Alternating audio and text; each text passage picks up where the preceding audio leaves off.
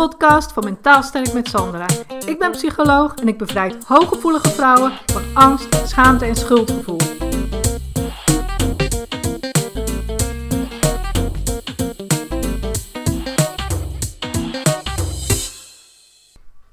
In deze podcast wil ik je even meenemen in waarom pijn onvermijdelijk is. Want ga maar eens na, weet je, als alles wat eigenlijk betekenisvol voor je is, zoals bijvoorbeeld een relatie met je man, je vrouw, uh, je kind of, zelfs met je huisdier, kan ook ronduit frustrerend zijn. Weet je, relaties geven een fijn gevoel en daar word je blij van, je voel je door gesterkt en gesteund, maar ze kunnen ook ronduit frustrerend zijn. Weet je, als je ruzie hebt met je man, als je kind niet luistert of je hond niet luistert, hè, dan, dan dat kan ronduit frustrerend zijn. Je, ik had het vanochtend ook weer uh, met, met onze hond uh, Bucky. Die, uh, die, die heb ik iets verkeerds aangeleerd, ben ik achtergekomen. En dus ja, ik kan het eigenlijk alleen maar mezelf verwijten. Want ik snap dat hij ehm, dat gedrag heeft aangeleerd doordat ik iets fout heb gedaan. Dus op het moment dat hij um, hij had een neiging op een gegeven moment om op, eh, op, op grote honden af te rennen. En dan blaffend, weet je wel. Net, net doen alsof hij ze ging aanvallen. Doet hij dan niet, want daar is hij veel te, te, te, te bleu voor uiteindelijk. Maar hij wil zich wel bij even groot en sterk en stoer voordoen. En elke keer op het moment dat, ik dus, dat hij dat deed, dan riep ik dus nee. Nou, en normaal gesproken is nee heel duidelijk voor hem. Nee weet hij gewoon, nee, niet aan het eten zitten, nee, niet uh, bedelen, nee. Uh, dat soort dingen. Hij weet gewoon nee is nee en dat hij dan of weg moet of iets niet mag. Maar op dat moment werd die, dat die nee, als ik dat op dat moment tegen hem riep, werd dat een soort van trigger om juist te gaan rennen. Dus het was eigenlijk voor hem een soort ja geworden. En echt ook alleen op dat moment, want die nee werkte op andere gebieden wel gewoon nog steeds. Maar op dat moment was nee voor hem ja. En dan ging hij dus juist rennen. En toen dacht ik, oh man, dit is gewoon zo frustrerend. Weet je, dat hij dat Vanochtend deed hij het weer en ik ben het hem nu aan het afleren uiteindelijk. Maar dat gaat natuurlijk nog wel eens mis. En nou ja, dat is het gevoel, weet je, dat je denkt, ah, gewoon, weet je, je hebt ook te maken met andere mensen die zien mijn hond op hun hond afkomen rennen. En die denken, oh, maar hè, die gaat hem aanvallen. Wat hij dan uiteindelijk niet doet, want het ziet er ook echt heel grappig uit. Want ja, uiteindelijk loopt hij een beetje boos blaffend eromheen. Maar hij is gewoon zo'n bange poepert dat hij, dat hij ja, dat op afstand doet, zeg maar. Dus het, ziet er wel heel grappig uit. Maar ja, dat is niet wat je wil. Gewoon niet. En ehm, heel frustrerend. En aan de andere kant is het super fijn als hij gewoon netjes luistert. Weet je, hij zegt volg, kan gewoon loslopen. Hij volgt me gewoon. Nee, hij doet het niet. Uh, zit, hij gaat zitten, blijf, hij blijft netjes. Allemaal super fijn, voel ik me super trots. Denk, kijk toch eens hoe fantastisch dit gaat. En hond ook blij, kijk blij naar mij, want ik zeg heel vaak goed zo, vindt hij fijn. Dus nou, allemaal dat soort dingen. Dus dat zijn hele uiterste gebieden waar je mee te maken hebt. En ik geef nu als voorbeeld hond, maar ja, ik heb natuurlijk ook een man, jij ook, een kind, uh, kinderen, kleinkinderen misschien wel. Nou, daar kun je ook natuurlijk een legio aan voorbeelden verzinnen waarin dit zo werkt dus alles wat betekenisvol voor je is, even als voorbeeld relaties. Ene kant fijn, andere kant super frustrerend. Nou, er zijn er mensen, hoe gaan mensen daarmee om? Nou, als je daar dus uh, dat niet kan handelen, zeg maar, wat gebeurt er dan vaak? Nou, mensen gaan dan bijvoorbeeld alcohol drinken of die gaan zich verdoven met allerlei uh, entertainment. Dus ja, je helemaal verdiepen in Netflix of YouTube of Um, gewoon maar kaartwerken doorgaan. Dat is ook een manier. Of ja, verzin het maar. Maar alles om dan daar maar niet mee bezig te hoeven zijn. En dat frustrerende gevoel, dat pijnlijke gevoel, dat gekwetste gevoel, dan maar niet te hoeven voelen. Weet je dat? Dus dat is wat mensen doen, om daar dus niet mee te hoeven dealen. En weet je, dat is, kijk, omdat relaties en alle andere dingen die je in het leven belangrijk vindt, gaan gewoon gepaard met frustratie, pijn of kwetsende gevoelens, angst. Hoe je het ook went of keert. Dat gaat gewoon niet zonder al die moeilijke gevoelens.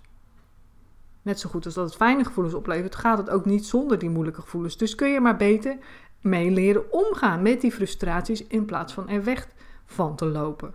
En ook dus wat daarbij hoort, is dat natuurlijk heel veel mensen denken van het leven hoort altijd uh, een goed gevoel op te leveren. Dus hè, wat we dan eigenlijk heel erg geïndoctrineerd krijgen door social media, van je moet maar gelukkig zijn. Geluk, gelukkig, daar draait het om. Ja, maar goed, ik heb het al eerder benoemd, wat is dan geluk? Geluk is niet meer en minder dan een fijn gevoel. En hoe kun je nou altijd maar een fijn gevoel hebben of krijgen? Als je dus, als alles wat betekenisvol voor je is, ook frustratie en pijn kan opleveren, verdriet.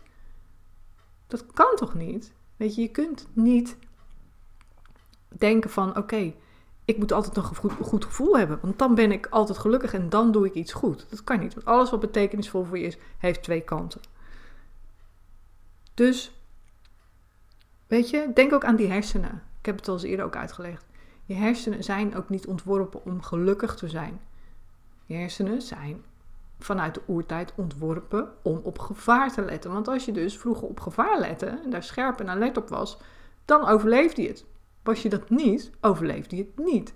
En dus ga maar na, weet je, als je op de fiets zit uh, of in de auto. Of, ga, eens gewoon eens na wat die hersenen aan het doen zijn. dus die denken vaak in rampscenario's. Oeh, als daar een auto van rechts komt, dan zit ik daar wel tegenaan. Of uh, oeh, die auto moet wel stoppen, anders lig ik eronder hè, als je op de fiets zit. Of allemaal dat soort snelle, gekke, ja, eigenlijk angstige gedachten. Daar, als je daar eens op gaat letten wat je heel de dag denkt, om jezelf veilig te houden, om gevaren voor te zijn. Nou, echt, als je aan het einde van de dag, als je dat allemaal zou opschrijven, aan het einde van de dag, dan zou je echt gewoon, uh, nou, ik denk maar zes kantjes vol hebben, minstens. Minstens want je hersenen zijn de hele dag bezig met hoe kan ik jou veilig houden? Hoe kan ik dat het beste doen? Dat is door op te letten, dat is door van tevoren in te schatten waar het fout kan gaan en, enzovoort. Het is, het is heel grappig als je daarop gaat letten, wat, wat je hersenen al niet daarvoor tegen jou zeggen en, en, hoe je daarmee bezig bent. Dus ga daar echt gewoon, uh, ga het gewoon eens als je, ja, je oeroude oerbrein zien, zien, die jou dus heel de dag veilig probeert te houden door allerlei angstige gedachten of rampscenario's te schetsen, zodat jij de gevaren voor kan zijn en dus kan overleven. En zo zijn je hersenen heel de dag bezig. Dus ja, dan vraag je natuurlijk af, ja, wat is geluk dan wel? Ja, het is een goed gevoel, een tijdelijk gevoel. Kun je dus niet altijd maar vasthouden. Denken we wel dat het zo hoort, maar is dus niet. Maar wat is het dan? Wat is geluk dan? Nou, geluk, gelukkig zijn, geluk is dus een waardevol leven leiden. De dingen doen die voor jou waardevol zijn, die betekenisvol zijn. Met dus die ups en downs die daarbij horen. En daar dus mee leren omgaan. dus helemaal afstappen van het idee, ik kan pas gelukkig zijn als alles wat betekenisvol voor mij is ook goed gaat. Dat er geen ellende is of zich geen problemen voordoen. Dan pas kan ik gelukkig zijn. Nou, dat is natuurlijk een mission impossible. Weet je, dan ben je daar dat, daar kom je natuurlijk nooit.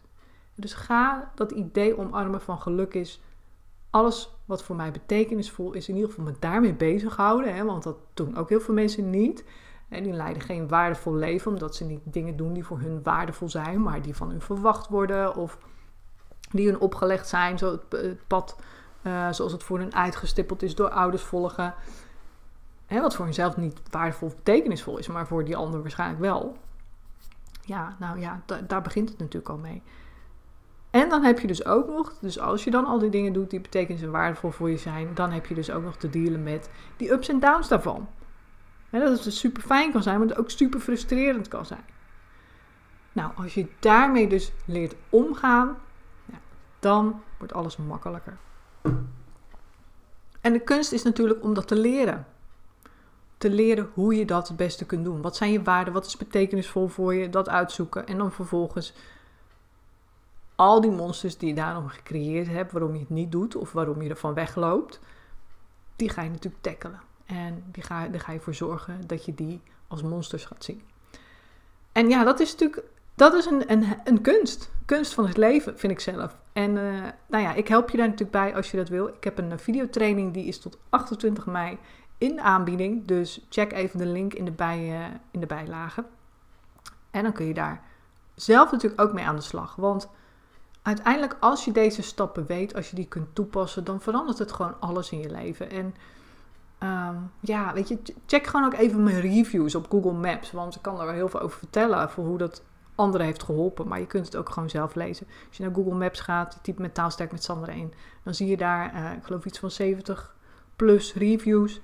Lees ze gewoon eens even. Dan weet je ook wat anderen eraan hebben gehad en wat jij er ook aan kunt hebben. Dus check dat even en wens ik je verder een hele fijne dag, middag, avond of nacht. Doei doei!